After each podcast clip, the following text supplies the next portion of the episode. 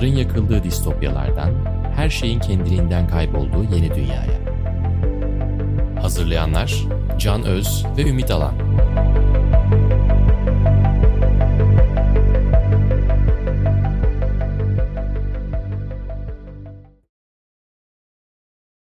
Merhaba, Yeni Medya 451'in yeni bölümüne hoş geldiniz. Hem podcast hem videocast olarak yayınlanan bu bölümde YouTuber olmak üzerine konuşacağız ve harika bir konuğumuz var. Sevgili Boğaç hoş geldin. Hoş bulduk. Teşekkür ederim davet için. Yok rica ederiz. Çok memnun olduk daveti kabul etmene. Çünkü YouTuber olmak üzerine konuşmak için senin tabii ki Boğaç'ı seven ve tanıyanların affına sığınarak bir iki küçük bilgi vermek istiyorum.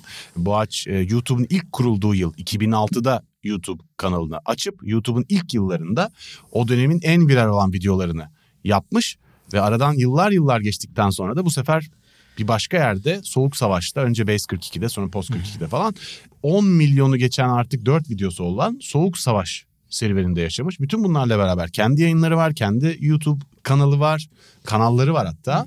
Twitch evet. kanalı var bir taraftan. Dolayısıyla yani bunun yükselişlerini, inişlerini, çıkışlarını falan en başında da en sonunda da ayrı ayrı yaşamış çok değerli bir konuk. O yüzden katılmayı kabul ettiğin için çok teşekkür ederiz. Onu biz boomerlar edu- educated ear olarak. Kendi adına konuş. yani biz yani bizim yaş grubu e, Boğaç ya... olarak değil educated ear olarak biliyor. Yaşlar ortaya çıktı evet biraz. evet diğer adı educated Ayrıca bir kere daha şey için teşekkür etmek istiyorum evet. katılmayı kabul ettiğin için. Çünkü bu tür bir program biz sonuçta bugün senin kariyerin üzerinden adım adım ta 2006'lardan YouTube'u bugünlere getirerek hem senin hikayeni hem de YouTube'un o dönemde yaşadığı evrimi beraber konuşacağız. Ama bunları konuşmak da bir taraftan çok kişisel de bir serüven. Yani bu ekranda duran kişinin arka tarafta yaşadığı şeyleri birazcık konuşacağız ve bu bizle bunu paylaşmayı kabul ettiğin için de ayrıca çok teşekkür ederim. Ben de davet ettiğiniz için çok teşekkür ederim. Yani iki tane çok saygı duyduğum insanla bu programda olmayı e, çok istemiştim. O yüzden siyah gömleğime giydim. e, ne kadar bilgili gözükmek istiyorsam o kadar gömlek giyen bir insan olarak bugün aranızdayım. Abi hoş geldin. O zaman istersen şeyden başlayalım. Yani YouTube'un ilk kurulduğu yıllardan sen YouTube'un aslında resmi olarak kuruluşu 2005 ama Google'ın satın almasıyla beraber YouTube'un bir video platformu olarak büyümeye karar vermesi 2006 yılı. Senin YouTube kanalının açılış tarihi Temmuz 2006. Şimdi sana bir görselle merhaba demek istiyorum. Bunu öncelikle şuraya da gösterelim. Ekrana vermiyoruz çünkü podcast e, videolarında. Bakmak isteyenler baksınlar lütfen. Ayrıca Google'dan da araştırabilirsiniz. Bu sen ilk videolarını yüklediğin kanalı açtığında YouTube'un ana sayfası abi. Bu sayfayla bu sayfayla henüz UX icadı olmamış. Henüz UX icadı olmamış. Evet. Bir de burada bak bir not var. Bu sana yazılmış gibi. Diyor ki müzisyenler sen bir müzisyen misin? Gel ve kendi müzisyen hesabını aç ve burada müzisyen olarak devam et diye bilgi var mesela. Gerçekten ya şu şuna baktık baktığımda bu site nasıl tutmuş bugünlere gelmiş evet. inanamıyorum yani ama o dönem tabii böyle bu kadar ciddi alınan bir şey de değildi dediğin tabii. gibi UI filan. Şu görüntü bana sadece videoların geç yüklendiği dönemi anlatıyor böyle o çubuğun dolmasını ee, beklediğimiz. Şey yuvarlığa gördüğümüz buffering'i. Evet. Şimdi doğum evet, tarihini anlamaya çalıştık. Tabii bir tweet atmışsın 15 Mayıs 2013'te Hı-hı. 24 yaşına bastın diye. Bu durumda sen YouTube kanalını açtığında daha 17 yaşındasın. Doğrudur evet çok küçüktüm yani. 17 yaşında YouTube yeni kurulduğunda kanalını açıyorsun ve ilk viral video 18 yaşında hatta aslında bilemedin 20 yaşında diyelim. Çünkü ilk evet. çıkarttığın 1 Ağustos 2007'deki Dawson's Creek videon var senin. Ah, ne hissettiriyorsan o video. 2007'de yani 18 yaşında of. oraya bir video yüklemişsin yani. Çok normal aslında. O yani Dawson's Creek'i yaşımla birleştirince şu an daha daha mantıklı oldu. O yaşta izlenecek evet. bir şeydi. Çünkü aslında o ben hani içerik olarak yüklediğim bir şey değildi. Kuzenlerimle Deniz Çağlar buradan da selam olsun. Onlarla şey oyunu oynuyorduk. Televizyonun sesini kapatıp seslendirme. Meğersem herkes yapıyormuş bilmiyordum. Biz de kuzenimden öğrenmiştik. Onu sonra bir gün Öz çok komik dalga, oldu dalga dublaj takımı. Evet aslında. aynen. Yani bir gün de komik oldu ya bunu kaydedelim dedik. Canımız da çok sıkılıyor. Babam Marmaris'te bir köyde yaşıyor. Emekli olup oraya gitti falan. Hiç yapacak hiçbir şey yok. Köydeyiz yani ve onunla uğraştık. Öyle ses kaydı filan. Sonra yükledim ben insanlara izletmek için aslında arkadaşlarıma atayım diye. Sonra diğer videolar gelince o orada kaldı o hmm. video. Aslında o içerik olarak yüklediğim bir şey değildi. Sonra yıllar sonra ya komik oldu kalsın e, anı olsun falan diye bıraktım aslında onu. Bir de ilginç olan senin o yüklediğin yıl yani 1 Ağustos 2007'de yüklemişsin. Sen bunu yaptığında YouTube'un partner programının yani partner programını bilmeyenler için izah edelim. YouTube'a video yüklemek herkes için serbest ama YouTube'daki videolarınızdan para kazanmanız için YouTube'da partner olmanız lazım ve bunun da koşulları var. Ciddi bir abone sayısına ve izlenmeye ulaşmanız gerekiyor. O günlerde YouTube partner olmak için koşul 1000 aboneye sahip olmasıymış kanalın. Sadece 1000 aboneyle partner olup reklamlardan, videodan reklam geliri elde edebiliyorsun. Bu demek ki yani bin abonen varsa videonu mesela 30 kişi izleyince onun parası. Çünkü kaç kişi izleyecek? Binin hepsi bakacak Evet. değil. Tabii. Öyle bir dönemde ve tam o tarihlerde dünyada YouTube'u kullanan sadece 20 milyon kişi var. O kadar. ha. Bütün dünyada 20 milyon kişi. Bugün bu sayı e, günlük 2 milyar kişi. 2 milyar kişi. Gerçekten. Ve yani şey o bu arada enteresan. O partner programına Türkiye'den direkt olarak başvurmada yoktu galiba ilk Hı hı. geldiğinde diye hatırlıyorum. Aracı YouTube networkler ilk başta daha önemliydi. Sonradan bireysel olarak da birazcık daha genişledi. Tabii benim hiçbirinden haberim de yoktu yani. YouTube'da partner programı varmış da gideyim yazılayım falan hiç dikkat etmedim Tabii yani. tabii. Hep şey var ya insanın aklında. Bu çok kişi görür bunu. Aslında bu Bitcoin içinde öyle oldu veyahut da araziler ulan burası tutluktu Evet. falan. Hı hı. Yani her birçok insanın aklında hani YouTuber olmak artık hep aranan şey ya. Abi o yıllarda keşke YouTube'a girmiş olsaydık. Keşke akıl etseydik falan filan. Akıl etmişsiniz. Ve Ve işin ilginç şu anda o zaman yatın falan olması lazım o yıllarda girmiş bir olarak. Bir yerlerde yanlış yaptık herhalde. Yani onu da konuşuruz bugün. Yat, şeyler olması evet yani niye olmadı ben de düşünüyorum yani. Ya bak o tarihlerde mesela YouTube'a ilk yüklenen, Türkiye'den yüklenen en eski video. ilk Türkçe video YouTube'a yüklenen. 24 Ağustos 24 Ağustos 2006'da yüklenmiş. Sazlı sözlü black metal diye bir video. Ben bunu hiç hatırlamıyorum ya. Nasıl bir şey? Ben de hatırlamıyorum. Yok hatırlanacak Evet. gibi değil. Viral olmuş bir Evet. video değil. Bu ilk yüklenen İlk video. yüklenen Kimsenin fazla Ha, haberi evet, yok anladım. zaten. Araştırırsanız Evet. buluyorsunuz bunu. Yoksa öyle viral Sazlı olmuş değil. sözlü Black Ama Metal. sonra konu ilerliyor. O arada tabii bir, bir şeyler olmaya başlıyor yavaş yavaş. Tam bu dönemler işte zaten yine 2006'nın sonları Bates Motel Pro bana kitap al'la birlikte aslında Evet. Viral. Motel'le beraber sen Türkiye'nin en eski viral video üreticisi olmuş oluyorsun aslında. Şeyleri saymazsak. Öyle oldu platformları. gibi evet öyle Değil oldu mi? gibi. Aynen yani onlar tabii şey yüklediğinde ben daha bu işi çok ciddiye almamış bir versiyonumdaydım. Sonra yavaş yavaş herhalde biraz beraber gördük yani onlarla da sonra yıllar içerisinde konuştuğumuzda Volkan'la filan onlar da nereye gideceğini bilmeden öylesine eğlenmek için yüklediklerini söylemişti. Sonradan işte bu böyle bir yere geldi işte günlük O dönem- 2 milyar kişinin tıkladığı bir yere Ya, gelmiş. o dönem interneti kullanan benim tanıdığım bu bana kitap al videosununla beraber senin 2009'da yaptığın Fatih Terim in the tabela videosunu görmemiş kimse yoktu. Ya herkes görmüştü yani. İnterneti kullanan ki daha azdı artık. Herkes görmüştü yani. Sen bütün bunları alırken bir yandan artık 2009'dan sonra videoların hız kazanıyor senin biraz. 3 sene boyunca sürekli video üretmeye devam ediyorsun. Bunlar çok popüler oluyor ciddi bir kısmı. Bobiler Orga Evet. bir taraftan. Educate Dear bölümünde bir şeyler yayınlıyorsun değil mi? Hı hı, Yani aslında o sürecin başlangıcı biraz Bobiler gibi oldu. Yani Hı hı. beni gaza getiren şey. Ee, buradan da kurucusuna selam vermiş olayım Ozan Tüzün sevgili. O dönem hiç yurt dışında bile çok görmeyeceğimiz bir örneğini yapıyordu. İçerik üreticisine gerçekten değer veren bir site kurmayı başarmıştı. Yani bunu yıllar sonra sosyal medya uygulamaları hatta YouTube yeni yeni yapmaya başladı. Abonelikler Değer vermekle kastın ne? Bunu biraz Şu kullanıcı profilleri ön plandaydı. Hmm. İletişim kanalı açıktı yani birbirine mesajlaşabiliyordum e, site üzerinden ve mesela işte oraya içerik üretenleri takip etme seçeneği sunuyordu. Sonrasında da tabii Bobiler büyüdükçe daha fazla kitle aldıkça mesela bu yarışmalar düzenleyip çeşitli markalarla gene içerik üreticilerinin para kazanabileceği ürettiği içeriklerden bu modelleri çok yıllar önceden aslında yapmaya çalışan bir siteydi yani. O yüzden kapanınca biraz ben de yani üzüldüm. Ee, çok çağın ötesinde bir bakış açısıydı. Ben de aslında orada gülmek için izlediğim, gülmek için baktığım şeylerde bir gün baktım artık video da yüklenebiliyor. Çok kötü çünkü Photoshop tasarımlarım vardı benim hiç komik olmayan. Dedim ben videocuyum zaten madem video yükleniyor video deneyeyim. Sonra orada tutunca aslında ilk Bobilerde birileri güldü diye bütün bunlar oldu diyebilirim yani. O kadar e, kritik Seni bir önem. teşvik eden biraz o oldu yani. Kesinlikle oldu. Yani orada çünkü elit böyle bir hani bir Hmm. kitle var gibiydi. Ben de çocuk olarak hani genç biri olarak hani burada yer alsam güzel olur. Bana da gülsünler falan gibi. Kitabı Evet. evet. falan çıkmıştı o dönemde. Yine. Aynen. Şey, E, sonra almanak gibi bir şey yaptılar evet. hı. Çok güzel siteydi evet o açıdan. O zaman şuradan devam edelim. Ee, buraya girmişken YouTube'a topraktan girmiş biri olarak bugünden baktığında neyi doğru neyi yanlış yaptılar? Ee, ve nereye YouTube'un geldiği yeri nasıl değerlendiriyorsun şu anki? Valla bu buradan bakıp konuşmak kolay tabii. Evet, yani o evet. dönem bunları söyleyemeyebilirdim büyük ihtimalle ama sanki şeyde yani onun dışında popüler olmuş ve aslında YouTube'un boşluğunu dolduran şeyler çıktı ortaya. Mesela Patreon diye bir site çıktı. Evet. Aslında Patreon'un kurucusu bir YouTube içerik üreticisiydi. Jack Conte'ydi yanlış hatırlamıyorsam ismi. Müzisyen biriydi. Yani içerik üreticilerinin destek almasını sağlayan bir platform açıklığını YouTube'dan önce keşfedip şu anda Patreon diye bir şey hani yükseldi. Sonradan YouTube katıl butonunu filan biraz Patreon'un etkisiyle. Sonra canlı yayına baktığımız zaman Twitch diye bir platform geliyor, geçiyor aslında YouTube'u.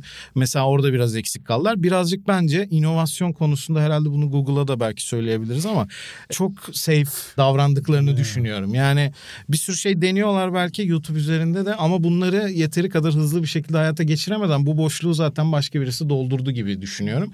Bir de sitede mümkün olduğu kadar vakit geçirsinler diye içerik üreticilerinin kalitesini birazcık bozan şeyler oldu bence. Yani o Algoritma- algoritmayı algoritmik evet hareketler. algoritmayı çok fazla e, ön plana tuttukları zaman bu sefer içerik üreticileri daha eci, daha ilgi çekici, daha e, çarpıcı şeyler üretmeye mecbur bırakıldı. Bu da bence bir içerik kalitesini birazcık düşürdü diye düşünüyorum. Ama mesela televizyon ve müzik konusunda da bu, bu kadar adım atmalarını ben beklemezdim. Orada da inanılmaz. Televizyon konusunda attım, attıkları adım Şöyle ne? yani trailerlar artık Aha, mesela orada. Diziler hatta orada. Diziler orada. Türkiye'de mesela çok önemli yani. Trendlere bakıyorsun full e, dünyada da var falan. Evet. Bu açıdan mesela orada bir boşluk yokken bunu aldılar. Evet. Müziği de aynı şekilde. Hani Spotify olmasa başka bir şeyden YouTube müzik dışında bir şeyden Spotify zaten bahsedemeyeceğiz. korkunç bir platform. Ya bu da bence başarılarından biri olarak e, nitelendirilebilir ama içerik üreticisine sanki birazcık daha e, şey yapılabilirdi. Bu sisteme ayak uydurmadan yaratıcı olanların birazcık daha ön plana çıkabileceği bir sistem biraz daha Peki geliştirilebilirdi sen bu gibi geliyor. e, Evet. bu noktada hızını aldıktan sonra bu bahsettiğim platformda bir, birkaç tanesini saymak istiyorum. Ben bunların burada hepsini zamanında izlemiştim ve bilmiyordum Evet. sen olduğunu zaten. Aslında zaten bir is- is- gözünde biri de canlanmıyor zaten. Kim bu İnanılmaz diye konuşuyorduk. esrarengiz Arsene Lupin gibi bir herif yani o kafanda sonuçta. Şimdi videolar mesela çıkmaz oldum pencereye. İnanılmazdı. Troll hıncal. Evet. Hatırlıyor musun? Allah Allah Allah. ee, gereksiz sansür serisi mesela orada bir inanılmaz e, şeyler var. Troll Ziya.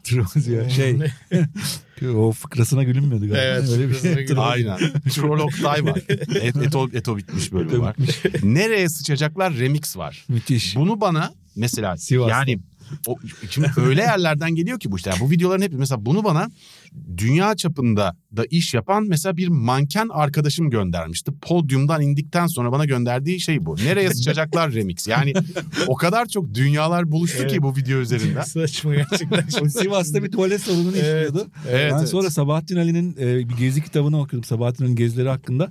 1930'lu yıllarda Sivas'ta tuvalet sorunundan bahsediyor. Gerçekten. Yani 2000'lere kadar o 30'larda bile Sivas'ın inşallah hallolmuştur tuvalet sorunu. Tekerrür etmiş gerçekten. Ve bütün bu işlerde sen müziği kendin hazırlıyorsun zaten aslında bateristsin bunu şimdi bilmeyenlere söyleyelim. Zaten müzikle çok yakından ilgilisin, profesyonel olarak ilgilisin. Müziği kendin hazırlıyorsun. Montajı kendin yapıyorsun. Bütün her şeyi sen yapıyorsun ve bunlar böyle 3 sene boyunca devam ediyor. Ve sen onu 3 sene boyunca yaptığın hemen hemen her şey en azından bugün YouTube'da bizim gördüklerimiz muhakkak sildiklerim vardır.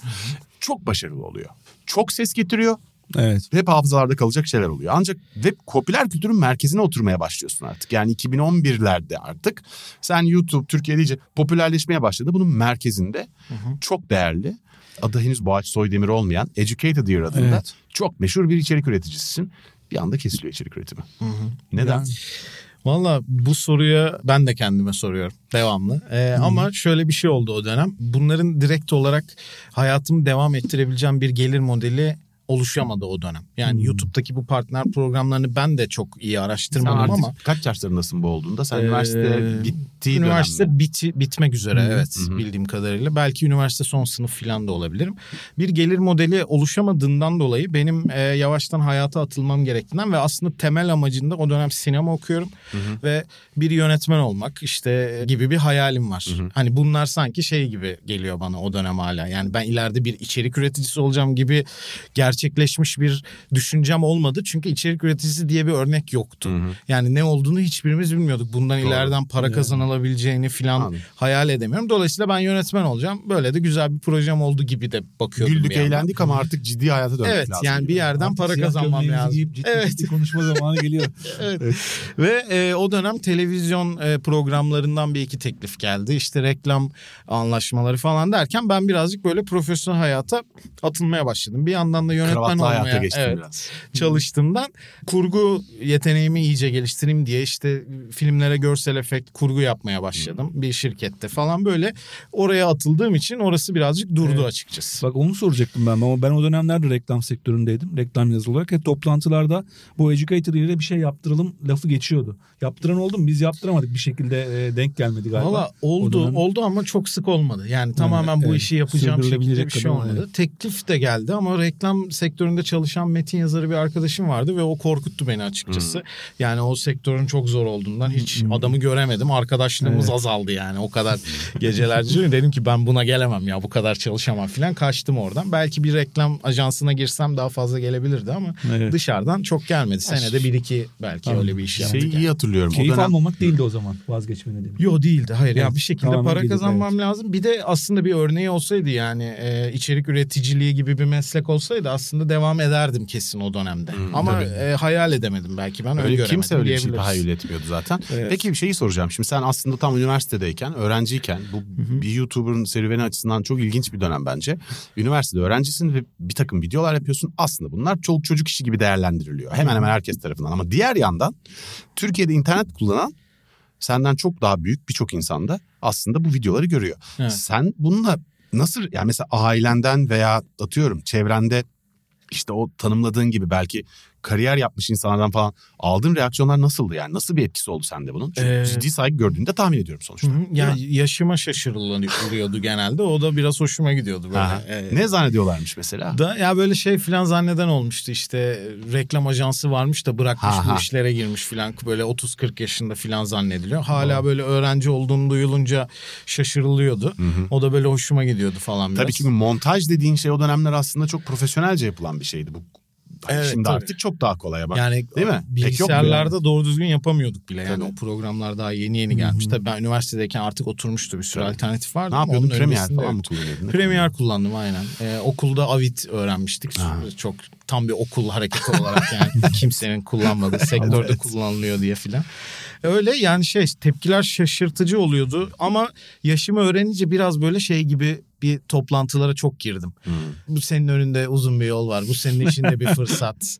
Hani daha belki büyük işler yapacakken beni görünce böyle birazcık daha hafif Ya. staja yönlendirme falan gibi abi. bir şeyler Evet. yaşadım. Ben de Sinir tabii böyle bozucu. genç heyecanlı bir çocuğum falan olur abi falan Haklılar dediğim bir sürü şey oldu yani. Nereden bileceksin? Tabii canım aynen öyle oldu yani. Ama tabii çok sevindiriciydi. Aile tarafından da annem uzun süre ne yaptığımı anlatamadı. Ben çünkü Yani nereye sıçacaklar yani. bu adamlar videosu yapmış olmak bir taraftan annene babana anlatması zor olmuştur Tabii, eminim. çok zor Ama oldu. diğer yandan annenin babanın arkadaşlarının da gülüp kıh kıh güldüğü bir şeydi diye Evet ediyorum. yani annem bahsediyordu ben de niye açıklıyordu aslında yani eğlenceli videolar yapıyor falan gibi aa iyiymiş aslında bu tabir falan ben açıklayamıyorum ama annem şeyde rahatlamıştı ilk Beyaz Show'da iç- işe girmiştik biz bu videoları görüp e, davet etmişlerdi ha dedi tamam bu böyle bir yol açıldı Aha. diye orada biraz tabii daha geleneksel e, Tabii. vakti için gerçi annem de tabii tiyatro sanatçısı falan yani aslında dedem de ülkenin böyle en Hmm. önemli tiyatro sanatçılarından biriymiş Kenan Büke.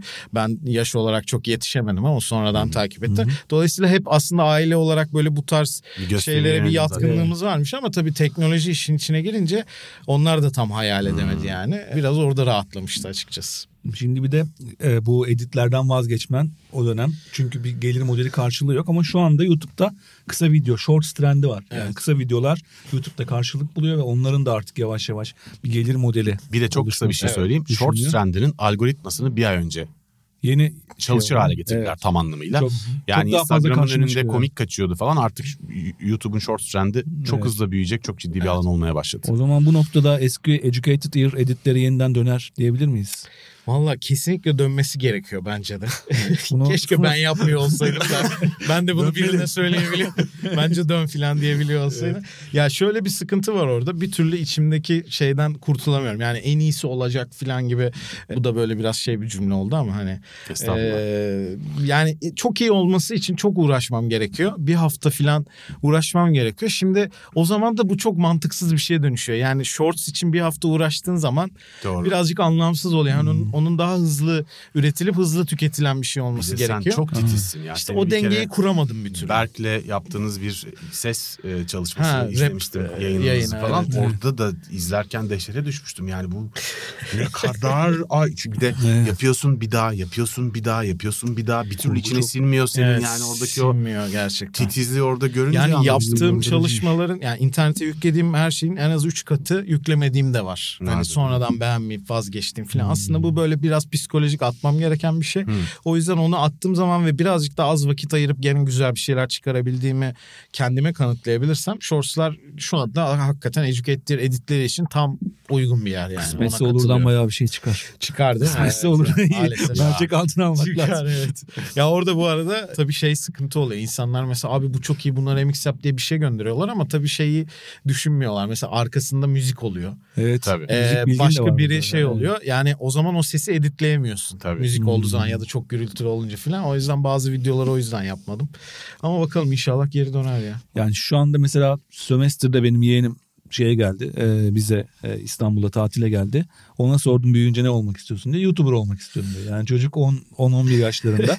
Bizim çocukluğumuzda ama böyle bir soru sorulduğunda astronot olunurdu, bilgisayar mühendisi olunurdu. Öyle meslekler vardı. Şu anda onlar yerine YouTuber'lık olmak gibi bir hayal var.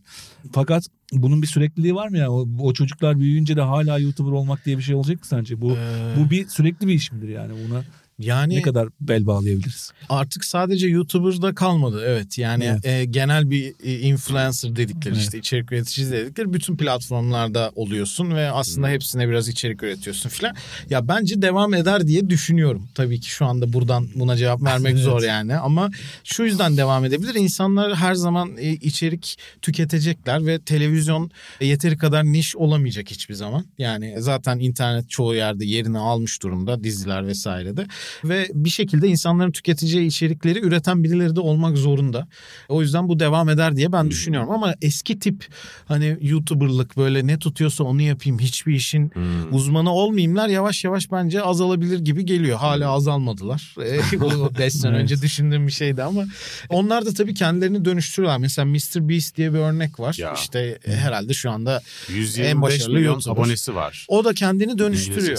Yani ilk başta yaptığı videolarla şu an alakası yok. Bu Şu an işe para yatırdığı harcama para üstüne yapıyor videoları. Evet. Yani Evet aynen öyle. 1 milyon dolara kimleri satın aldım Aynen. hadi bakalım falan. Ee, gibi olaylara giriyor. İspanyolcasını gördün mü? Yok görmedim. Mr. Beast'in 125 milyon abonesi var. Aynı videoları birilerine anlaşıp İspanyolca seslendirtip çektikten sonra İspanyolca Mr. Beast Espanyol kanalında yayınlıyor. Onda 45 milyon abonesi. Gerçekten. Evet ciddi Ve söylüyorum. dublajlı seyrediliyor Sadece yani. dublajlı evet. Evet. Vay be çok enteresan. Çok enteresan. Bu Aynı arada video. onun yapay zeka teknolojisi falan da çıkmış. Hmm. Tamamen metni senin ağzına uydurarak AI seslendiriyor falan. İyice Evet. zaten artık şeye dönüşecek diye Tabii, tahmin tabii. ediyorum yani. Türkiye'deki o çocuk videolarını özellikle masalları falan bilmem kaç dilde yapıyorlar. Şu anda Onlar birinci şeyler. oymuş galiba Türkiye'de Hmm. gelir konusunda Evet, bir çocuk- oyuncak kanalı, çocuk oyuncak kanalı. kanalları, çocuk Yani kanalları. kesin devam edecek diye düşünüyorum ben ama yavaş yavaş belki benim öngörüm birazcık da insanların hobileri ve şeyleri ilgi alanları daha özel yerlere kaydıkça bunların içerik üreticilerinin var olabilmesi gelecekte biraz daha kolay olacak Hmm. gibi geliyor bana. Şu anda onların var olabilmesi biraz zor oluyor. Hani daha ek iş gibi yapıyorlar. Çok spesifik bir konunun YouTuber'ından. Mesela akvaryum YouTuber'ları var. Hani o Hmm. konuyla ilgili video çekiyorlar. Şimdi onlar tek başına bunu gelirle var olamıyor ama ileride bu kanallar birazcık da açılacak bence. Onlar daha rahat bu konuda içerik üretebilir diye tahmin ediyorum.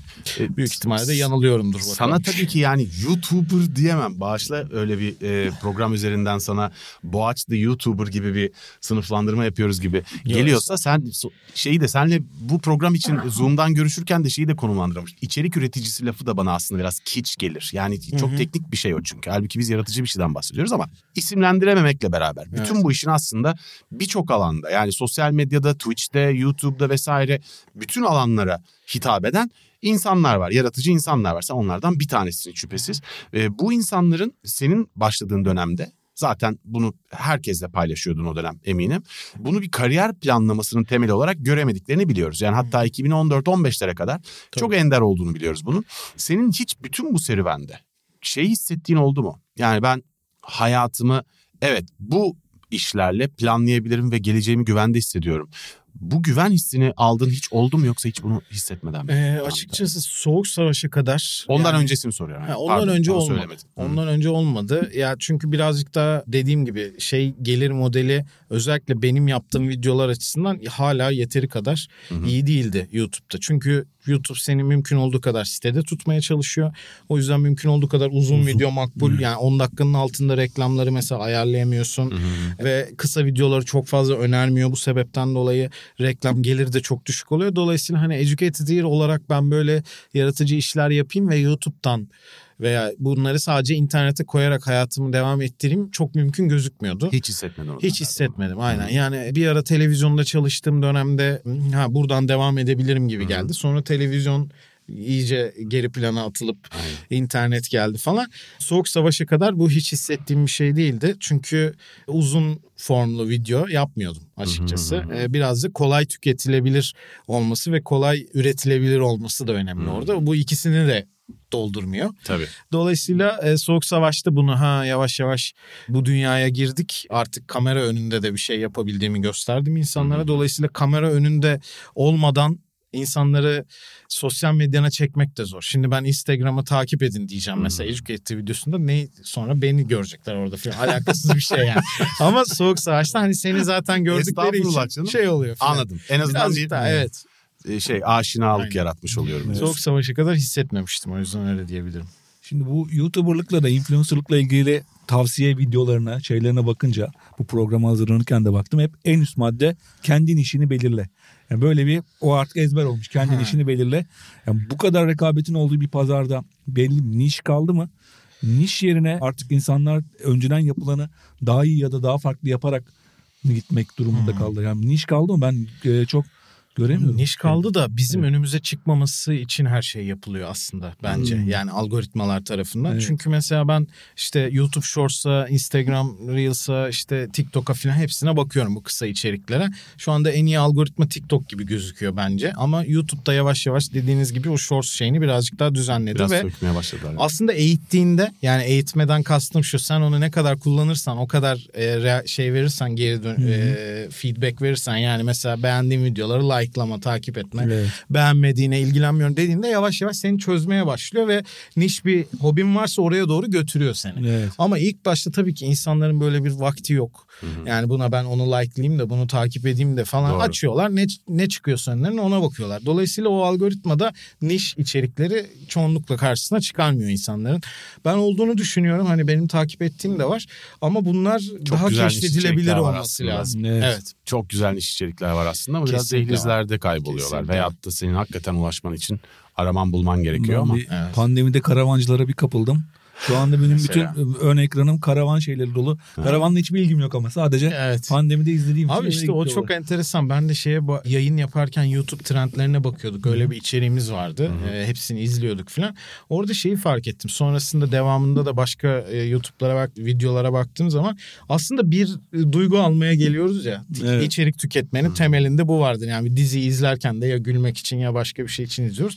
Orada da mesela yani karavan videolarında bir chilllik, bir rahatlık Evet. böyle o duygu için geliyorsun. Mesela bunun üzerine kanallar oluşmaya başladı. Karavan değil başka bir şey yapıyor ama gene seni chill bir moda sokmak için Evet. yapıyor. Başkası güldürmek için yapıyor. Başkası bilgilendirmek için. Yani bu boşlukları doldurmak için aslında kanallar yavaş yavaş oluşmaya başlıyor. Sadece burada algoritma e, çok balık hafızalı bence. Özellikle gerçekten YouTube. çok Yani güzel. ben bir kere Çabuk Ferdi unutuyor. Tayfur dinledim diye her gün bana Ferdi Tayfur önermeye başlamasına ben sinirleniyorum. Yani Evet. bizim bir geçmişimiz var. Bir sürü rock müzik dinlemişim. Yani hemen bu kadar. şey evet değil. ya bu tamam Ferdi Tayfur da dinleyeyim ama arada dinleyeyim. Bir anda en büyük fanıymışım gibi her şeyi yığmaya Abi başlıyor. belli olmuyor. Evet. Sen geçen gün çok güzel bölüm çekmişsiniz. O değil de de konuk aldın sevgili İnan Özdemir'in. Hmm. Müthiş bir sinefil. Mubi üzerine bir program da yapmıştı. Kaçırdığı Türk dizisi olmadığını biliyor musun? Gerçekten mi? İşte o işler belli olmuyor. Söylemedi bak orada. Hayır, orada söylemez. söylemedi. Söylemez ben onu Söylemez çok böyle- istiyorum. Baba bir Türk dizisi programı yapalım Güllerin- diye. Güllerin tabii abi falan tabii abi falan diye. Vay, vay, vay. Tabii tabii. Bildiğin yerli dizi. Bu kanalda Ama öyle böyle değil. Yani bütün Evet. ayrıntılarına kadar Hiç geçiyor. renk vermedi ya Hiç. program. Vermez. Ben Bunu bir görünce söyleyeyim. bugün paylaşmış olduk. Belli olmuyor dışarıdan. evet İnan Özdemir bir yerde bana da benimle ilgili bilinmeyen bir şey açıklayarak bir misilleme yapacaktır artık diye tahmin ediyorum. Bir öcü olacak. Kesin. Hak ettim yani. Peki abi buradan şeye biraz geçelim o zaman yavaş yavaş. Yani sen 2006'da açılan YouTube'da oradaydın. Ondan sonra ilk videolarda oradaydın. Viral oldun geliştin. Sonra biraz ara verdin evet kariyer ama derken ara ara yine videolar yükledin ve bunlar da hep başarılı oldu. Yani elini biraz çekiyor gibi görünsen de becerinin değişen alışkanlıklara hala e, tekabül ettiğini gördük. Süper böyle düşünmenize sevindim. E yok izlenmiş videolar yani bu benim zaten kendim beğeniyorum ama kendimden yola çıkarak bunu söyleyemem. Ama ara ara ara verip ara verip çıkarttığım videolarda da benzer bir izlenmeyi almışsın ve benzer yorumları da almışsın internette. Yani o zaman geride zamanın gerisinde kalmamışsın hiç. Daha sonra zaman geçiyor geçiyor derken daha aralıklı video çıkarken Soğuk Savaş hikayesi başlıyor. Önce Base 42 diye bir kanal kuruyorsunuz arkadaşlar kendi aranızda ve burada bir sürü video çekiyorsunuz ama bu videolardan bir tanesi, bir programlardan bir tanesi Evet. aslında o döneme kadar çok yapılmış, çok da tüketilmiş, aslında çok da ilginçliği kalmamış olan bir fikri alıp gülmeme challenge denen hatta İngilizcesi çok daha fazla yapılmış olan bir içerik tipini alıp Dead joke. Dead, dead jokes evet Birleştiriyor Türkçe evet birleştiriyorsunuz. Dead jokes da aynen. Evet. Hatta ilk bölümün altına da e, yani işte gülmeme challenge tam olarak değil de aslında falan Yani. diyerek de böyle tatlı da bir not Uta, yazmışsınız. utandığımız için. Belli ki de utanmışsınız ama ne var yani? Evet. sonuçta biz de yapalım. ne Aynen. var ya? Kanalımız var yaparız. Hiç ben zaten estağfurullah bunun utanılacak tarafı olduğunu düşünmüyorum. Ama burada ilginç olan şey şu. Çok yapılmış çok tüketilmiş bir içerik tipini alıyorsunuz. Pek artık yapılan bir şey değil bu ve inanılmaz bir başarı elde ediyorsunuz. Yani şimdiye kadar 96 tane Soğuk Savaş bölümü çekmişsiniz. Evet dönemler olmuş yani Base 42 diye başlamışsınız. Sonra Post 42 olmuş. Sonra ayrılmış biraz daha ara vermişsiniz falan. Daha sonra şimdi Soğuk Savaş Savaş, kanalına dönüşmüş falan. Uzmanlaşmış. O arada işte bomboşlar, işte zıbınlar bir sürü şeyler çekmişsin. Onlar bir kısmı elenmiş. Ama Soğuk Savaş kalmış. Ve Evet. 96 bölüm çekmişsiniz ve bu 96 bölümden 4 tanesi 10 milyonun üzerinde izlenmiş. Yani bu 10 milyonun üzerinde çok ilginç çünkü bugün Türkiye'yi yıkıp geçen mesela Babala TV'deki ki çok önemli programlar yapıldığını düşünüyorum orada. Evet. Videoların izlenme sayılarından fazla izlenmişsiniz. E şimdi o, olağanüstü bir başarı elde etmişsiniz yine. Yıllar geçtikten sonra, bekledikten sonra. E bunu bekliyor muydun? Yani bu bir gülmeme challenge'dan başlayıp şu an Türkiye'nin en başarılı belki serisi serilerinden birisi veyahut da. Asla yapmış olmayı. beklemiyordum. Yok hiç e, aklımızın ucunda bile değildi. Böyle Hı hı. bir kullanım var mı bilmiyorum. Neyse yani hiç aklımıza gelmedi. Aslında zaten bir ajans projesiydi Base 42. Biz PlayStation Türkiye'de aslında oyun içeriği üretiyorduk. Ben ve Buğra işte Evet. Berk de onların oranın sosyal medyasını yönetiyordu ve oradaki sohbet videolarımız bir ajansın ajansta çalışanların ilgisini çekmiş. Ya bu e, arkadaşlarla bir gaming muhabbet kanalı kursak mı diye bize gelen bir teklif. Tamamen bir oyun projesi. Biz başladık orada içerik üretmeye falan kanal bir bizim tane de de değil. gülmeme challenge araya Bir sıkıştırdınız. tane de evet Dead Jokes diye bir format var. Aha. Bunu izledik. Aynen. O sırada da gülmeme challenge tutuyordu. Sonra hatta dediğin gibi birazcık popülaritesini kaybetmiş Türkiye'de. Ya bu ikisini birleştirsek böyle bir formata dönüştürsek. Çünkü bu şakaları biz birbirlerimiz birbirimize yapıyoruz zaten. Yani Cenk Erdem'le büyümüş bir neslin. Cenk e, Erdem'i konuk aldınız böyle. Evet yani, bir şey. geldiler bizi tokatladılar. E, o neslin bir parçası olarak birbirimize yaptığımız şakaları neden içerikte yani biz bunları yazabiliriz diye Aha. düşünüp e, oyun temalı yaptık. Yani çünkü oyun kanalıydı orası. Sonra bu tabii ki izlenmeler arttıkça ve Soğuk Savaş bütün bu projenin önüne geçince yavaştan artık entertainment'a kaydı şakalar. Gaming kanalından birazcık daha sohbet kanalına dönüştü falan. İş beklediğimizden çok daha büyüdü. Açıkçası ben bunu öngörebilseydim bunun bu kadar tutacağını zaten kendim bir kanal açar. Hani sahibi de ben olurdum. E, ama bir dediğim gibi bir ajans projesi olarak başladığından aslında Soğuk Savaş formatının sahibi biz değiliz. Biz oranın bir çalışanıyız gibi içerik üreticisi olarak çalışıyoruz. E, yıllar içinde hatta el değiştirdi falan kanalın sahipliği hiçbir zaman bizde değildi. Dolayısıyla asla tahmin edebileceğim bir şey değildi. Türkiye'de de bu kadar soğuk espri aslında herkes der hani herkes soğuk espri yapar der ama bu kadar alıcısı olacağını da düşünmezdim. Demek ki orada bir bir şans büyüğü falan bir bir araya geldi ve öyle Muhakkak bir şey tuttu. şans da var ama yani Evet. ya hepsini tabii ki aynı derecede beğenerek değil ama ben hemen hemen hepsini izlemişimdir. Bazılarını çok severek izledim. Çok kolay tüketilen, çok çok iyi Evet. bir içerik. Yani o bir tesadüf olduğunu düşünmüyorum açıkçası onun.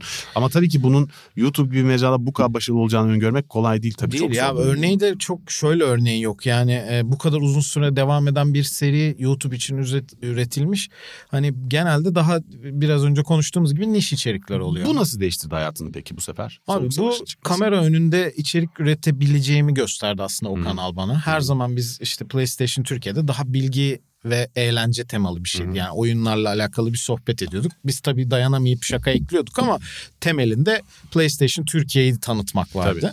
Sonra e, tabii ki Base 42 tamamen mizah içeriklerine doğru kaydığında "Ah, biz bunu kamera önünde mizah yapabiliyoruzu gördüm ve açıkçası beni birazcık da kamera önünde olmaya da itti. E, Soğuk Savaş ve diğer içerikler ve aslında bunun üzerine devam edebilirim gibi düşündüğüm ilk anlar oydu yani. Sonra canlı yayınları daha düzenli açmaya başladım falan. Bir de Twitch'te. tabii bir kitle de geldi. Evet yani çünkü Twitch'te keşfedilemiyorsun. Tabii. Twitch'te bir kitlen varsa orayı daha daha uygun oluyor. Biz de onu denedik. Öyle bir kanal açtı aslında bana kamera önünde olmayı düşündürten diyebilirim. Peki bu e, şimdi formatın nasıl çıktığını anlattın ama bu tip formatlarda insanların ne, ne zaman tutacağını ne kadar ısrar etmesi gerekli.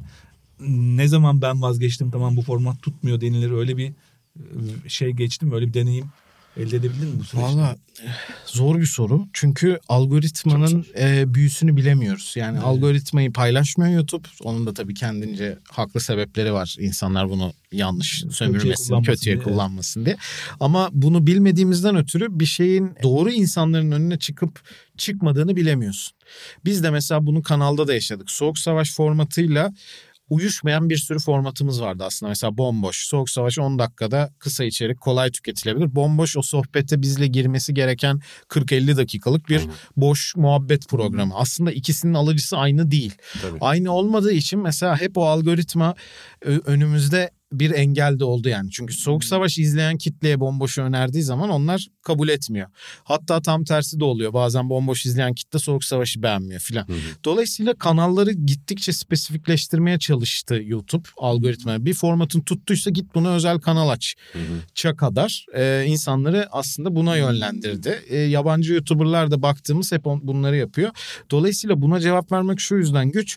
Acaba doğru insanlara gösterdi mi göstermedi mi bilmiyorsun. Bu içeriğin bir alıcısı var belki ama onların karşısına çıkmadı. Dolayısıyla biraz yorumlara belki bak bakılabilir orada. Yani o kişi onunla ilgilenen bir kitleye ulaşmış mı? Çünkü feedback'in gerçek olup olmadığını, detaylı olup olmadığını yorumdan anlayabiliyorsun. Bu Tabii. ne ya olmamış gerçek bir feedback değildir ama Tabii. abi böyle diyorsun ama işte şurada şu videoda bahsettiğim bilmem ne şöyle değil gibi bir yorum varsa ha bu doğru kitleye ulaşmış diyebilirsin. Yani bu alıcısı bu. Dolayısıyla ben birazcık hani yorumlara bakmanın daha mantıklı olduğunu düşünüyorum ama zor gerçekten bunun analizini yapmak. Bir de üretimiyle ilgili bir şey soracağım. Ben e, televizyonda 3 sezon yani 3 yıl mizah programı yazan bir ekipteydim. Haberleri yapıyorduk. Müthişti e, abi, evet, Kazak'la elinize sağlık. E, orada ama artık sonlarına doğru yani 3. sezonun sonlarına doğru artık beynimiz yanmaya Hı hı. başlamıştı. E, yeni mizah çünkü çok zor. E, Tahmin üretim, üretim çok zor bir şey. Hatta bence kötü şaka bulmak, normal şaka, iyi şaka bulmak, yani kötü espri bulmak, iyi espri bulmaktan daha zor. Bu artık e, sürekli ekibi yenilemek gerekmiyor mu? Ya, yazar ekibinin en azından. Soğuk savaş için mi? Soğuk savaş. Ya için. aslında Evet. bir tamamen biz yazdık son döneme kadar. Şu anda da hala yazıyoruz ama ufak tefek bir şey desteği alıyoruz izleyicilerimizden. Zaten a- isimleri de yazıyor şeyde. kötü espri Ee, desteği. Kötü espri desteği alıyoruz. Bizim zaten çünkü ilk sezonda bitti aslında mizahımız.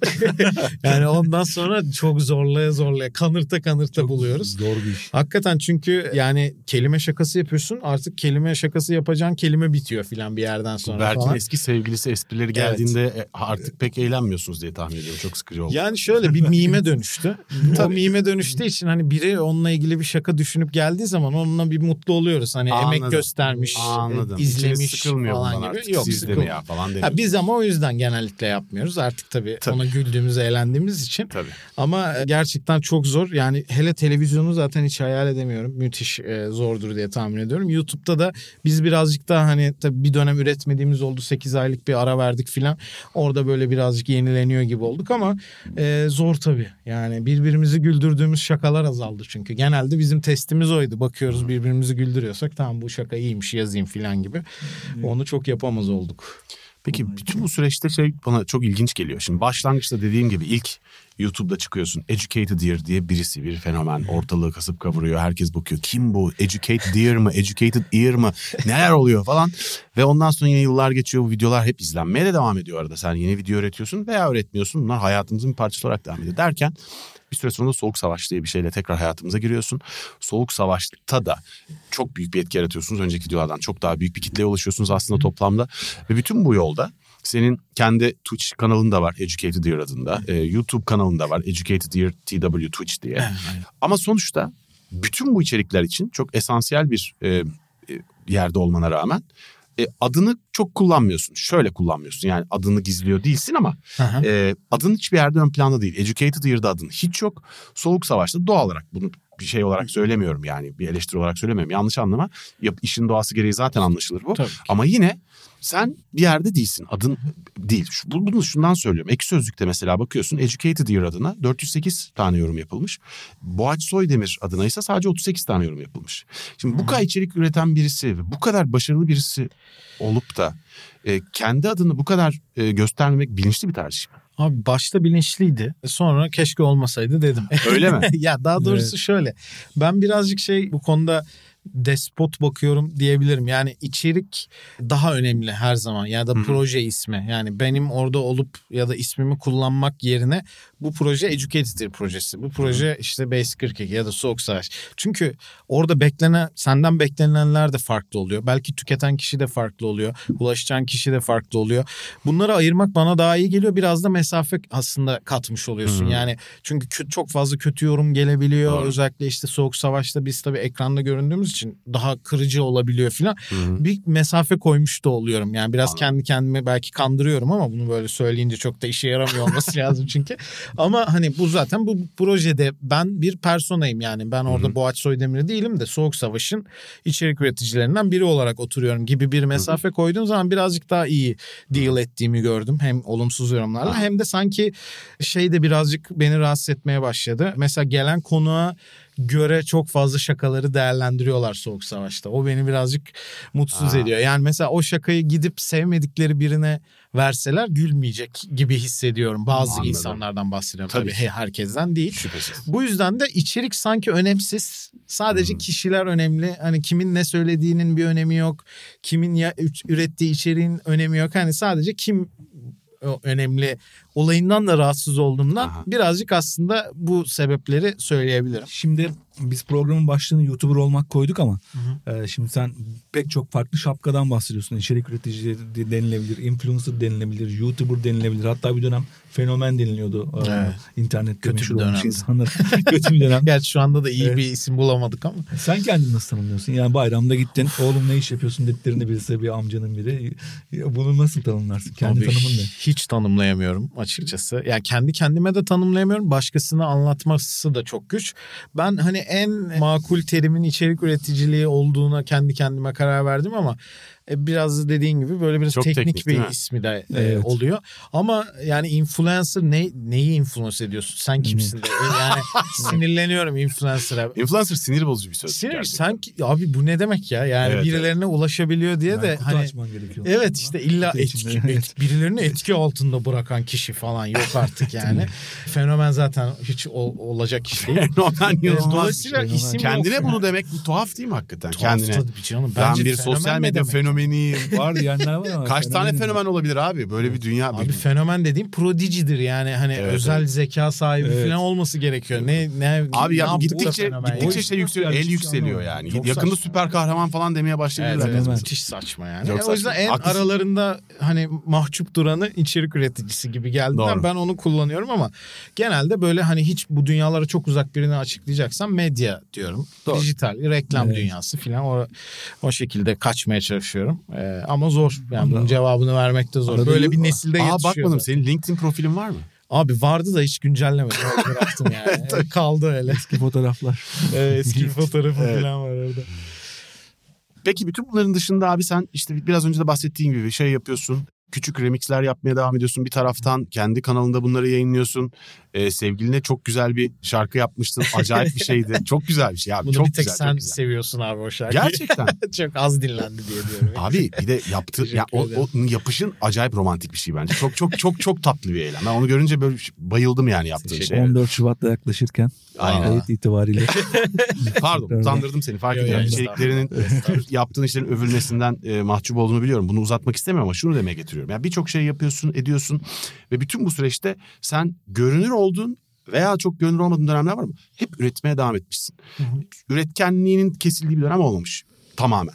Peki bu süreçte seni hep diğer içerik üreticileri için söylüyorum. Bu, bu tür içerik üreticileri yani bugün dünyada içerik üreticiliğini ciddi ciddi yapmaya çalışan insanın ortak en büyük endişeleri neler oluyor? Yani izleyicilerin aslında tam bilmediği yani dolandırılmak mı veya ajans bulamamak mı veya profesyonelleşmemek mi veya gelecek mi veya ne bileyim para kazanamamak mı veya neler oluyor? En çok ortak nelerden endişeleniyor içerik üreticileri? Ee, ya benim ayrı bir cevabım var bir de tahmin ettiğim var. Benim Hı hı. en çok endişe ettiğim bir yerden sonra bir jenerasyon gelecek ve onu yakalayamamak. Bunu Evet, daha önce de söylemiştim. Evet, Caner'in programında Evet aynen. önce. Ya bu yaş yaşanacak çünkü Hı. örneklerini görüyorum ve en alt jenerasyonları yakalayamadığın zaman şu anda internette içerik üreterek var olabilmek biraz zor Hı hı. rakamsal olarak yani. Çünkü öyle kitlelere ulaşamıyorsun. Bu Hı hı. anca nasıl mümkün olabilir? E, desteklerle mümkün olabilir. Yani sen özel bir içerik üretiyorsundur belli bir kitleye ama o kitle kendi cebinden bunun karşılığını veriyorsa anca o şekilde var olabilirsin. Reklamla biraz zor gözüküyor. Dolayısıyla bireysel olarak zaten ömrüm boyunca hani yaşlanınca da içerik üreteyim gibi bir derdim yok ama bir yerden sonra artık belli bir kitleyi kaçırmış olacağım ve öyle bir bireysel bir Sen korkum görebiliyor var. musun kendini bir gün? E, diyelim ki mesela 70 yaşındasın diyelim. Göremiyorum. E, bembeyaz hatta saç yok. Ya, pardon benim saçlarım senden eminim çok daha önce dökülecek ama ihtiyarlamışsın yani. Evet. Tamam mı? Zor yürüyorsun falan. Yapar mısın içerik yine? Abi e, büyük ihtimalle biliyorsun. yaparım. Büyük Hı hı. ihtimalle yaparım. Bence Çünkü çok tatlı dayanamam. olursun sen yine. Dayanamam. Dayanamazsın değil mi? Yani illa konuşasım gelir e, yılların alışkanlığıyla ama 70 yaşında kadar çökmüş olmuyor Ne? insan arada. izlenir mi? İzlenmez büyük ihtimalle. Yani Hiç belli e, olmaz. Böyle şey ya boomerlık benim hoşuma giden bir taraf aslında. Ben seviyorum biraz boomer olmayı ama bir yerden sonra tabii artık başka bir şeylere dönüştürmeyi ümit ediyorum. Yap, Evet. Yapacağımı düşünmüyorum. Yani, Yani, tabii boomer adını bizlere koyanlar Z kuşağı. Evet. Şimdi Z kuşağı 23 yaşına gelmeye başladı artık. Biz Yakında bu- bir kısmı Onlar evlenecek. da E, evet, tabii. Şimdi alfa kuşağı onlara ne isim takacak onu çok merak ediyorum. Evet ben de. Onlara isim takılmaya başladığı zaman böyle biraz daha yakınlaşma belki olabilir. Onu göreceğiz. Olabilir, Biz olabilir. boomer olmuyoruz ya bizden daha büyük boomerlar. Abi Tabii, tabii. o, o bir şey söyleyeceğim. Ona Z kuşağı öyle. karar veriyor baba. o, o- o bizim kendimiz tasnif edebileceğimiz Okey. akademik bir açı değil. Z kuşağının kendi alışkanlıklarına yabancı buldu ve daha yaşlı insanlara taktığı isim boomer. Evet. O kadar. Yani, Yani onun bir yaşı falan yok. ilgisi yok yani baby boomer'da. evet. Alakası Evet. Yok canım. şey ben onu Facebook'ta bir ara reklam veriyordum. Yazı köşe yazılarını şey yaptığım zaman sırf kitleyi görebilmek için oradakini geleneksel medya eleştirisi yazarken bakıyorum yaş istatistiğine 50 yaşından sonra yükseliş başlıyor. Hmm. Yani okuma okuyanlar 50 55 dedim jenerasyon Ha. kaçıyor. Yeni medyaya geçişim aslında bugün bu masada oluşum da o Facebook'un istatistiklerini jenerasyon kaçırdığımı gösteren istatistiklerini Ha, görünce çok, oldu. Çok mantıklı bir şey. Evet, benim de Evet. yapmam gerekiyor. Arada bakmak lazım istatistiklere. Evet. Bu arada genel olarak yani insan diğer içerik üreticilerinin tahminimce de ya da en azından buradan bir destek olması açısından da şunu söyleyebilirim. Yorumlara insanlar hazırlıklı olamıyor asla. Ha. Kötü yorumlara. Yani Ha, bunu evet. bunu hiçbir şekilde önceden hazırlanamıyorsun. Ne, Yok. Ne yapacaksın yani arkadaşlarını toplayıp bana kötü şeyler söyleyin diye antrenman yapacak halin yok. Dolayısıyla en çok zorlanılan noktalardan biri onun deal, e, onunla uğraşmak bence. Ona Ama cevap onun vermemeyi dışında- başarabilmek. Evet yani seni etkilememesini sağlamak çok güç gerçekten. Bir bu olabilir. İkincisi de bunun uzun sürekli uzun süreli olabilmesi için aslında bir bir yandan hep kendini geliştirmeye devam etmesi gerekiyor bence içerik üreticisinin. Yani bir şeylere hala tutku sahibi olması lazım. Kendini devamlı içerik ürettiği konuda yeni tutuyor olması lazım. Bu burada da sıkıntı yaşanabilir diye tahmin ediyorum. Çünkü benim de yaşadığım sıkıntılardan biri bu. Herhalde bu ikisidir diye. Burnout yaşadığını hissettin mi hiç? Abi yaşadım. Hatta Tükenme yayınları bıraktım. miyiz Türkçe? Hı. Ee, yayınları bıraktım şu anda. O yüzden yayın yaptığım e, kitle çok mutsuz. Twitch'tekiler mi? Twitch'teki yayınları şimdilik bıraktım en azından. Bir fiyat değişikliği oldu çünkü. Oraya ayırdığım vaktin değmediğini e, ekonomik olarak fark ettim. Tabii ki sadece ekonomik olarak yaptığım bir şey değildi. Hani beraber orada kitleyle eğleniyorsun ve aslında canlı tutuyorsun Tabii. kendi kitleni. Çok eğlenceli yayınlar yapıyorsun. Evet. E, falan, ona evet demedim. Yok biliyorum. Eğlenceli yapıyorum. Tabii lan. Ama şey çok yorucu bir şey. Yani gündüzleri mesela atıyorum e, YouTube için bir şeyler üretip sonra eve gelip bu dinleneme işimi fark ettim. Ve bu böyle bir 2-3 sene falan sürdü. O 2-3 senede bir burnout olmuş bana. O yüzden bunlardan bir tanesini bırakmam gerekiyordu. Anladım. Yayını o yüzden bıraktım. Aslında burnout yaşamaktan ziyade bunu yaşamaktan korktuğun için biraz daralttın yaptın. işini. Evet, Sonuçta evet, kesinlikle. üretmeyi bırakmadın sen. Sadece bir Aynen. kanaldan bahsediyoruz. aslında. Birazcık da e, canlı yayından e, YouTube tarafına şu anda kaymaya çalıştım aslında. E, burada tabii Sokrates'in burada da büyük emeği var. Ee, bu arada yani sadece videocast ve podcast takip eden izleyicilerimiz varsa Sokrates'in videocast ve podcast kanalında o değil de programında şimdi önce Sokrates personalarıyla ama daha sonra başka insanlarla da e, Evet. rö- içsel röportajlar yaptı. Bu içsel röportaj demek çok sıkıcı gösterdi kulağa gerçi ama. Yok yok öyle. Benim hoşuma gitti ben Evet, böyle söyleyeyim. İçli köfte röportajlar. Bu çok çok tatlı röportajlar yaptı. Samimi kısa röportajlar yaptığı bir programı var. Evet. Tavsiye ederiz. Keyifle yapıyorum Evet. şu anda.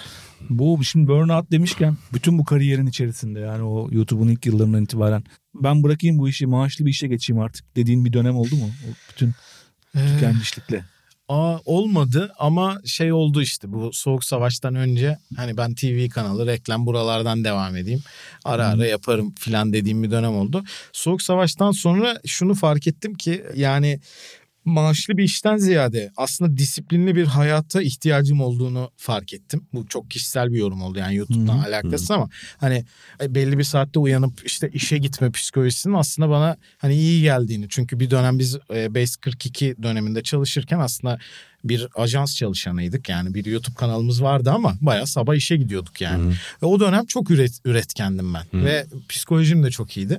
Dolayısıyla şimdi kendimi birazcık o yöne doğru hani sanki maaşlı bir işim varmış gibi yaşamaya çalışıyorum. Daha Evet. sistemsel. Başarabiliyor muyum? Hayır. yani yarısı falan haftanın boşa gidiyor. Niyet var aynen. Ee, kesinlikle e, olması gereken bir şey bence. Çok öyle bohem yaşayınca belli bir yaştan sonra e, zor oluyor. Direkt olarak maaşlı olmasa da o kafaya girmeye çalıştım yani açıkçası. Peki bu bu işi yapan ve yapmaya çalışanlar için e, şey ne dersin? Bir, bir, bir iş yapmaya başladılar ve sen bunun her aşamasını görmüş birisi olarak. E, ve çok iyi gidiyor işler. Diyelim bir YouTube kanalı kurdular veya bir YouTube programına daha projesine dahil oldular ve çok iyi gidiyor işler. Böyle durumlarda bayağı, bayağı bir sponsorluk teklifleri gelmeye başlıyor kanallara.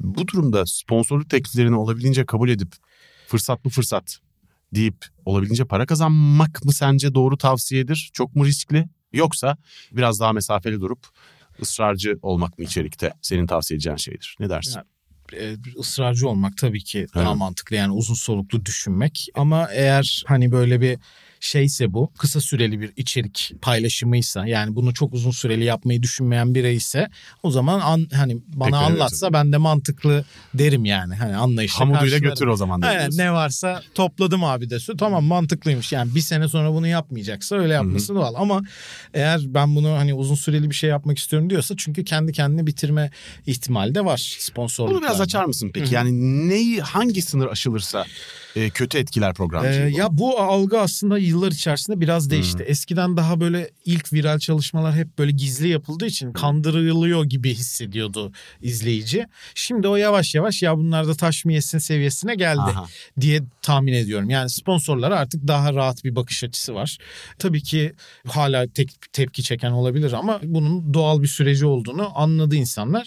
Orada bence içeriğin kendisini çok bozmadığını hissetmeleri yeterli oluyor. En azından biz onu yapmaya çalışıyoruz. Yalandan tavsiye etmeye falan girmemek gibi mi mesela? Evet ya da yani buranın biz mesela hep şey yapıyoruz yani ben onu yapmaya çalışıyorum. Burası şu anda içeriğin reklam kısmı Diyorsun. altını çizmeye Hı. çalışıyorum. Yani şu anda e, asla tabii ki inanmadığım bir şey para söylemiyorsun. Ha tamam. Ha yok yani ben en azından söylememeye Para vermeseler söylemeyeceğim şeylerin olduğu bölüme hoş geldiniz. Evet. Ya çünkü şey artık da tutmuyor bu arada. Arkadaşlar bir site keşfettim. Müthiş şu kadar para yatırıyorsunuz bilmem ne falan. Bunu kimse de yemiyor gibi düşünmek istiyorum en azından. Belki hala işe yarıyordur yapıyordur ama ya bu şekilde zaten çok yapılmasını asla tavsiye etmem tabii ki. Yani kendi deneyimlemediğin bir şey deneyimlemişsin gibi anlatmak hoş değil.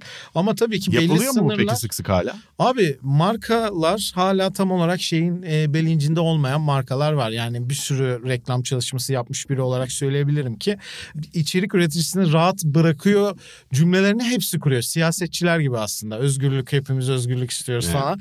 Ama işte e, aksiyona gelince öyle olmuyor. Markalarda da böyle bir durum var. Yani e, biz zaten sizi özgür bırakacağız. Siz kendi dilinizde söyleyin. Kendi dilinde söylüyorsun olmuyor falan. Çok karşılaştık. Evet onunla yani bu Sokrates'te. bu kısım birazcık sıkıntılı ama yavaş yavaş tabii ki jenerasyonlar da değiştikçe birazcık daha bu dünya içinde büyüdükçe yavaş yavaş öğreniyorlar diye tahmin ediyorum. Bizim de belki de benim de sınırı geçtiğini düşündüğüm reklam çalışmaları olmuş olabilir. Yani keşke birazcık daha bu kadar şey Senin hakikaten Bizim- reklamcıyı böyle ulan şimdi fazla reklam yaptık dediğin gerçekten Vardır birkaç tane var mı muhakkak. aklına gelen? Vardır. Bir firma sormuyorum tabii ama. Muhakkak vardır. Yani şu an direkt olarak aklıma gelmedi ama biz içeriği mümkün olduğu kadar bozdurmamaya çalışıyoruz. Bazen mecbur kalabiliyoruz. Ama onun da onun da süresi çok sınırlı oluyor. Yani Aha. gelip içeriği bozan markaya şu anda bence kitle sinirleniyor. Evet, haklı o yüzden burada yani bunu şeyini iyi koruması lazım bence içerik üreticisinin. Çok net bir cevap benim, verdin. benim izleyici olarak Soğuk Savaş'ta reklamdan rahatsız olduğum bir pizzalı bir bölüm vardı. Hmm. Ya bu pizza muhabbeti bir türlü bitmedi ya diye. Böyle orada bir izleyici Doğru. olarak orada benim şeyi aşmıştı. Olabilir. Olabilir. Ee, evet. Benim boyumu aşmıştı onu E, hatırlıyorum. mutlaka bizim de o sınırı koruyamadığımız ve mecbur kaldığımız şeyler olabiliyor ama tabii ki onun da birazcık da şey durumu da var yani bizim olmadığı için evet. e, bir Çünkü e, kolumuzda onu bir yere kadar uzuyor Evet. orada. Yani ben kendi bireysel kanalımda daha rahat davranabiliyorum tabii ki. evet. E, peki bu iş yeni başlayanlara muhakkak şuna dikkat edin diyeceğin başka ek bir şey olabilir mi? Aklına gelen. Yani e, ben de böyle e, genelde yabancılardan filan seyrettim ama e, YouTube tavsiyesi gibi videolar. Burada bazıları tabii ki söylüyor ama Türkiye'de çok fazla belki söyleyen olmadığı bir nokta var bence. Tam cümle kuramadım ama anlaşıldı.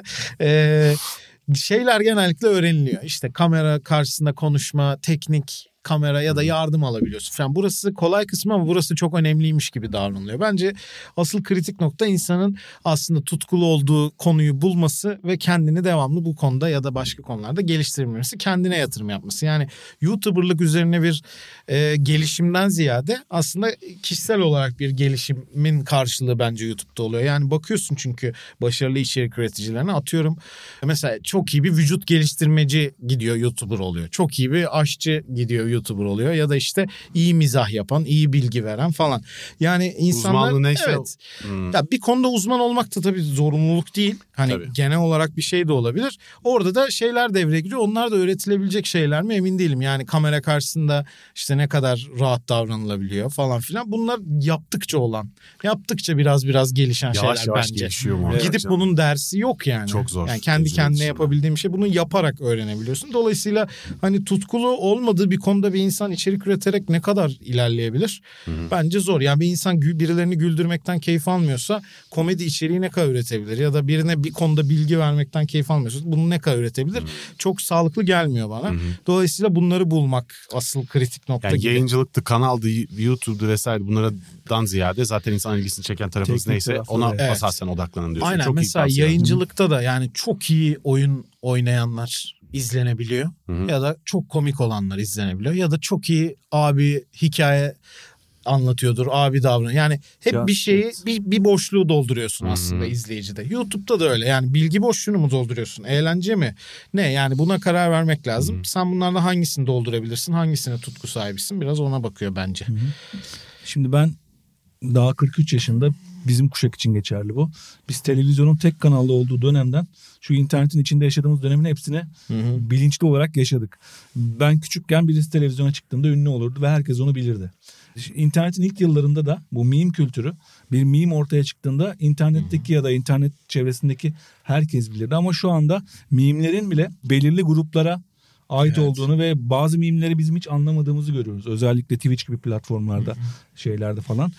İşte böyle bir dönemde artık eskisi gibi e, rekabet çok zorlaştı. Eskisi gibi genele hitap etmek çok zorlaştı. Böyle bir dönemde bunu bunu idare etmek çok zor olmaz mı? Yani sen e, geneli mi hedeflemeyi tercih edersin yoksa çok küçük bir kitleyi mi? Yani geneli hedefli ben en azından onu yapamıyorum. Ama belki yapabilen vardır. Yani geneli hedefliyim bu işte deyip Totale çalışmak. Evet Total. yani bu, bu bu bence çok zor bir şey. Bunu yapabilen insanlar özeldir. Yani dizi, film üretenler için de söylüyorum. Yani çünkü şeye nasıl karar verebilirsin yani? Etçiler yapıyor. Bunu mesela evet bu arada. Ya onlar da bence ilgi çekici olmaya hani genele Tabii, tabii. evet yani zor çünkü. Ya bir dakika bunu Bir çeşit hokkabazlık canım bunu herkes anlamaz. Bunu şöyle basitleştirelim gibi bir süreci kim doğru analiz edebilir? Aha, yani kendi evet. bilgini nasıl sen dışarıdan görebilirsin başka falan gibi. Dolayısıyla genele ben onun tavsiyesini veremem çünkü becerebildiğim bir şey değil yani. Evet. Ben aslında bir nevi ya sen bir şeye gülüyorsan mutlaka seninle birlikte buna gülecek insan vardır. Sen bir şeyi ilginç buluyorsan mutlaka aynı şeyi ilginç bulan insanlar vardır. Dolayısıyla sen bunu ne kadar aslında iyi yansıtabilirsen bence gidiyor o insanı bir şekilde buluyordu. Şimdi Hmm. ama bulabilecek mi bilmiyorum. Dediğin gibi o kadar Evet. çeşitlendi ve o kadar fazla Çok. içerik var ki. Ben mesela işte Nasıl remix yok abi? falan yaptığım dönem işte Hiçbir şey e, yoktu o dönem. Herkes biliyordu. bir video bir hafta konuşuluyordu. Tabii, bir tabii. ay konuşuluyordu ve hepimizin beynine kazınıyor. Ve senelerce unutmuyoruz. Şimdi her gün içerisinde ben mesela bir, bir video popüler oldu son yıllarda. Gittim remix yaptım. Bir hafta sürdü. Aa abi anca mı şey yaptım falan. Oğlum bir hafta sürdü. bir hafta geçti yani. Ne çabuk unuttunuz.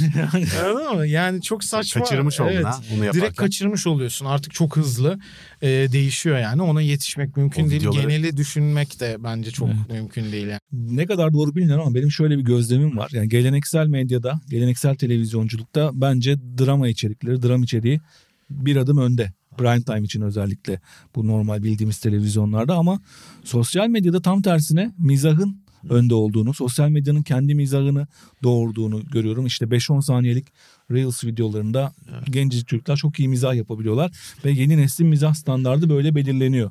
Buradan yola çıkarak YouTuber olma mücadelesinde, rekabetinde mizahla başlayan bir adım önde diyebilir miyiz?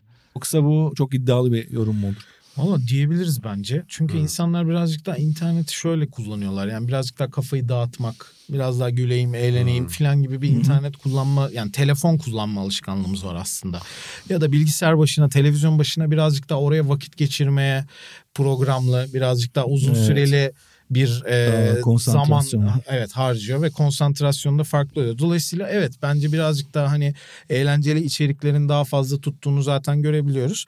Bir yandan tabii şey de var. Gerçek dramalar da aslında YouTube'da gene ilgi çekebiliyor. Mesela iki kişi kavga etmiş oluyor. Ya. İnternet figürü. Bunu özetleyen videolar oluyor mesela. Ben de Hmm, arada evet. bakıyorum. Aslında gene o da Hiç zamanı çekmeyen iki kişinin kavgası ilgimi çekiyor ya. benim de benim de vallahi. Niye böyleyiz abi? Yani gene bir kazanan e, ve şey oluyor herhalde kim haklı Yani diye merak Yılmaz'ı, ediyoruz. yani. Yılmaz'ı MSN'den sileceksin kavgasıyla.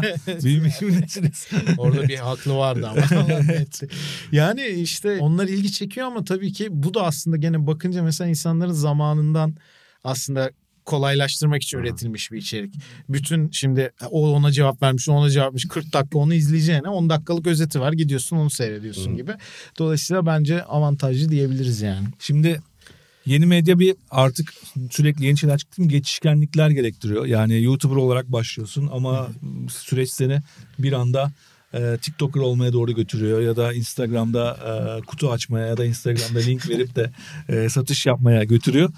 TikToker olmayı kendini hiç TikToker olarak gördün mü? TikTok TikTok'ta başarılı olma Vallahi- şansın var mı sence? Ya TikTok konusunda ben çok değişen fikirlere sahip oldum. Ee, çünkü bayağı bir vakit ayırdım ve algoritması gerçekten en iyi e, sosyal medya uygulaması. Çok çok iyi gerçekten. Yani benim benden iyi beni tanıdığını falan şüphelenmeye başladım. Yani bu kadar iyi çalışıyor. Ya Çünkü Silikon Vadisi böyle yapileriyle, gençleriyle, sağda solda dizileriyle şov yaparken ya işte Çin'den çıkıp pıtı pıtı yaptılar abi. hepsinden daha Evet. algoritma yapmış. Çok iyi yapmışlar. Çünkü Eyvallah, evet. eğitebileceğin bir, bir, e, bir sürü nokta bulmuşlar işte. Eğer buna gerçekten vakit ayırırsan, e, doğru like'lar, şeyler Aha. atarsan, ilgilenme yorumları falan iyi kullanırsan tam senlik içerikler çıkartıyor. Çok iyi o açıdan.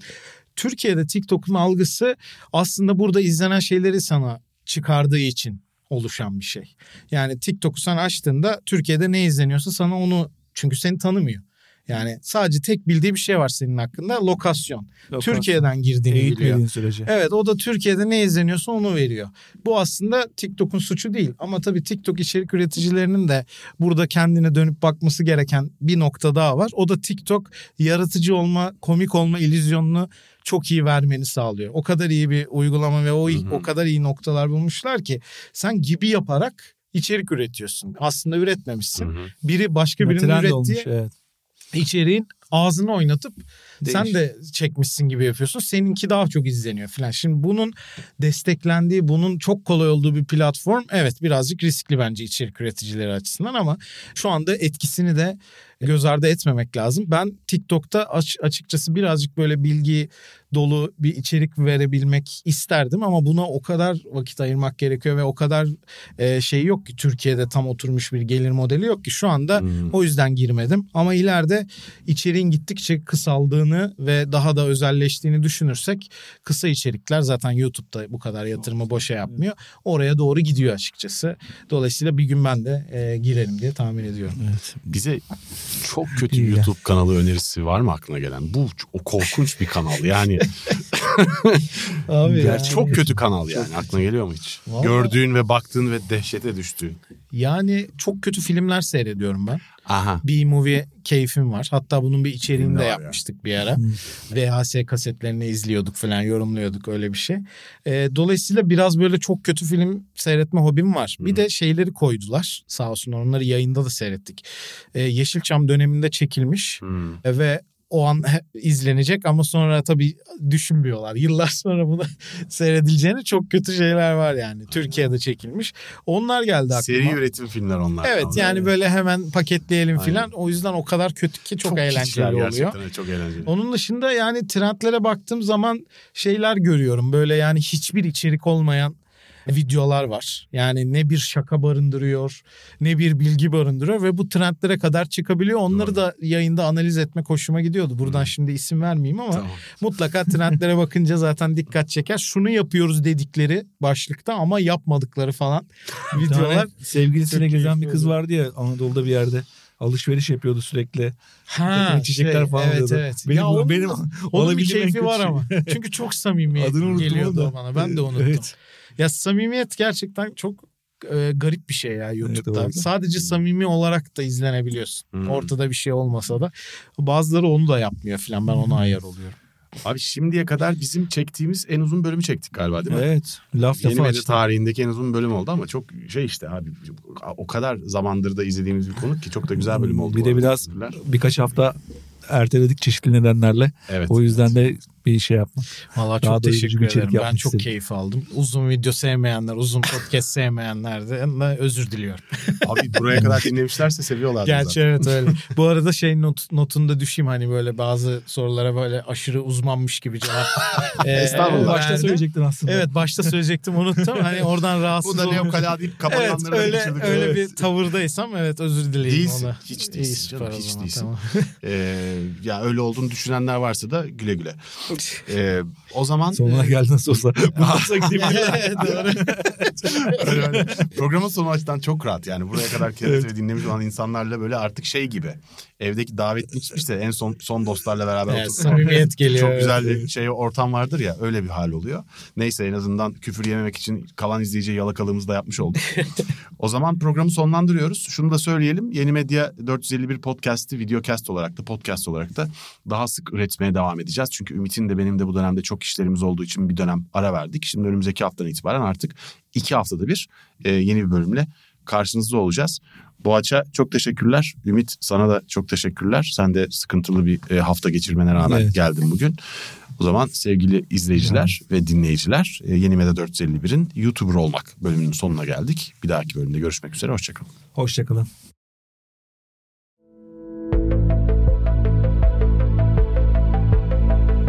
Yeni Medya 451 Kitapların yakıldığı distopyalardan, her şeyin kendiliğinden kaybolduğu yeni dünyaya.